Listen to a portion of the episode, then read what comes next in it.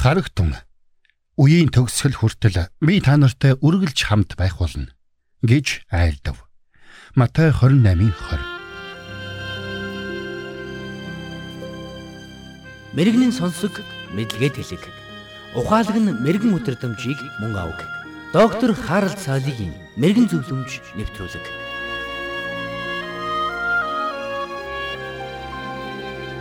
Христмас баяр ингээд өндөрлөө. Ядаж л ихэнхий маань хувьд. Гэхдээ Орос гэх мэт зарим улсад Христмас баярыг 1-р сарын ихээр тэмдэглэдэг гэдгийг бид мартаж болохгүй. Гэсэн ч бид Христмас баярыг хизээ тэмдэглэхээс үл шалтгаалаад эр төрөө хизээ нэгэн цагт Христмас баярыг тэмдэглэж дуустгах нь жам юм. Үннийг хэлэхэд зарим хүмүүс Христмас баяр дууссанд битүүхэндээ баярладаг гэж хэлж болно.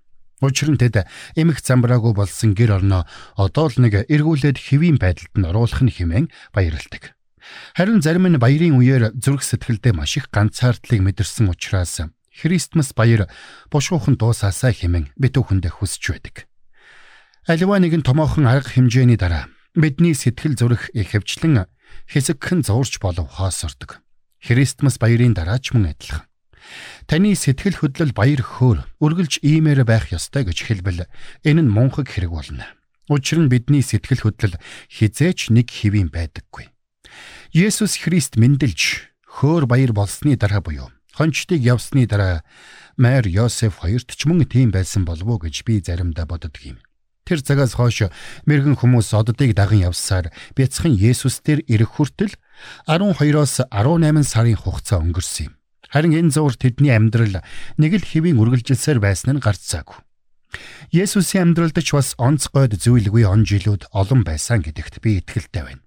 Есүс Христ Бэтлехемд мэндэлж хөөр баяр болсны дараа Мэр Йосеф хоёр түүнийг аваад Египтэд 2 жилийн турш нуугдж амьдарсан. Учир нь Херод хаан бяцхан Есүсийг хөнөөхийг хүсэж байсан. Хожим нь Есүс Назар хотод эгэл жирийн амьдралаар өсч ухаан орсон цагаас Йосефийн мужааны газарт ажиллаж эхэлсэн. Түүний өсвөр наснд тохиолдсон хамгийн онцгой үйл явдал бол 12 настайдаа эцэг эхээсээ салж Иерусалимд үлдээд хуулийн багш нарыг гайхшруулсан үйл явдал байсан юм. Тиймээс ч Лук тэр бүх он жилүүдийн тухай товчхон өгүүлэхтэй.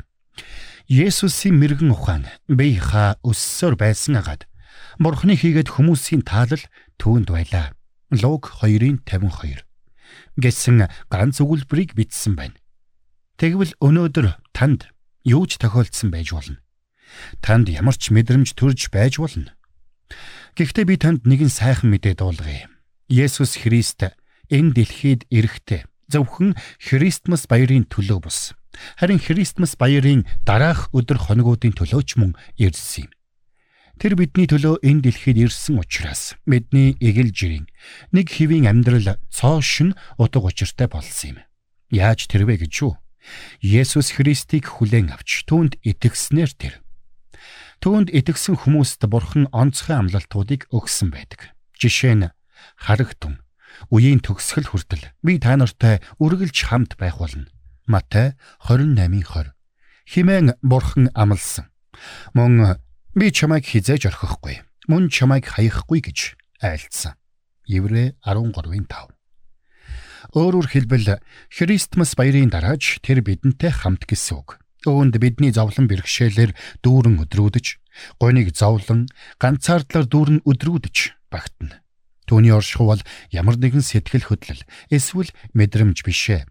Сэтгэл санаа сэргээдэг ямар нэгэн хүчин зүйлч биш. Харин энэ бол бидний сэтгэл зүрх, сүнс, бие махбодын гүнд хүрэх бурхны хүрэлт юм. Кэмпбелл Морган нэгэнтээ өөд болох гэж буй нэгэн настай эмээд Матай 28:20-ыг уншиж өгöd. Үнэхээр гайхамшигтай амлалт биш гэж юу? химэн асууж. Харин цаадхан түүнд "Ирхмээ, энэ амлалт биш. Харин бодит факт юм шүү" химэн хариулсан гэдэг. Тиймээс та ямар ч нөхцөл байдал донд байсан хамаагүй урам зоригтой байгаарай. Учир нь танд санаа тавьдаг тэр нэгэн таныг хизээж орхихгүй. Түүний танд амлсан харагтун үеийн төгсгөл хүртэл би та нартай үргэлж хамт байх болно. Матай 28:20 гэсэн амлалтыг та хизээж битгий мартаарай.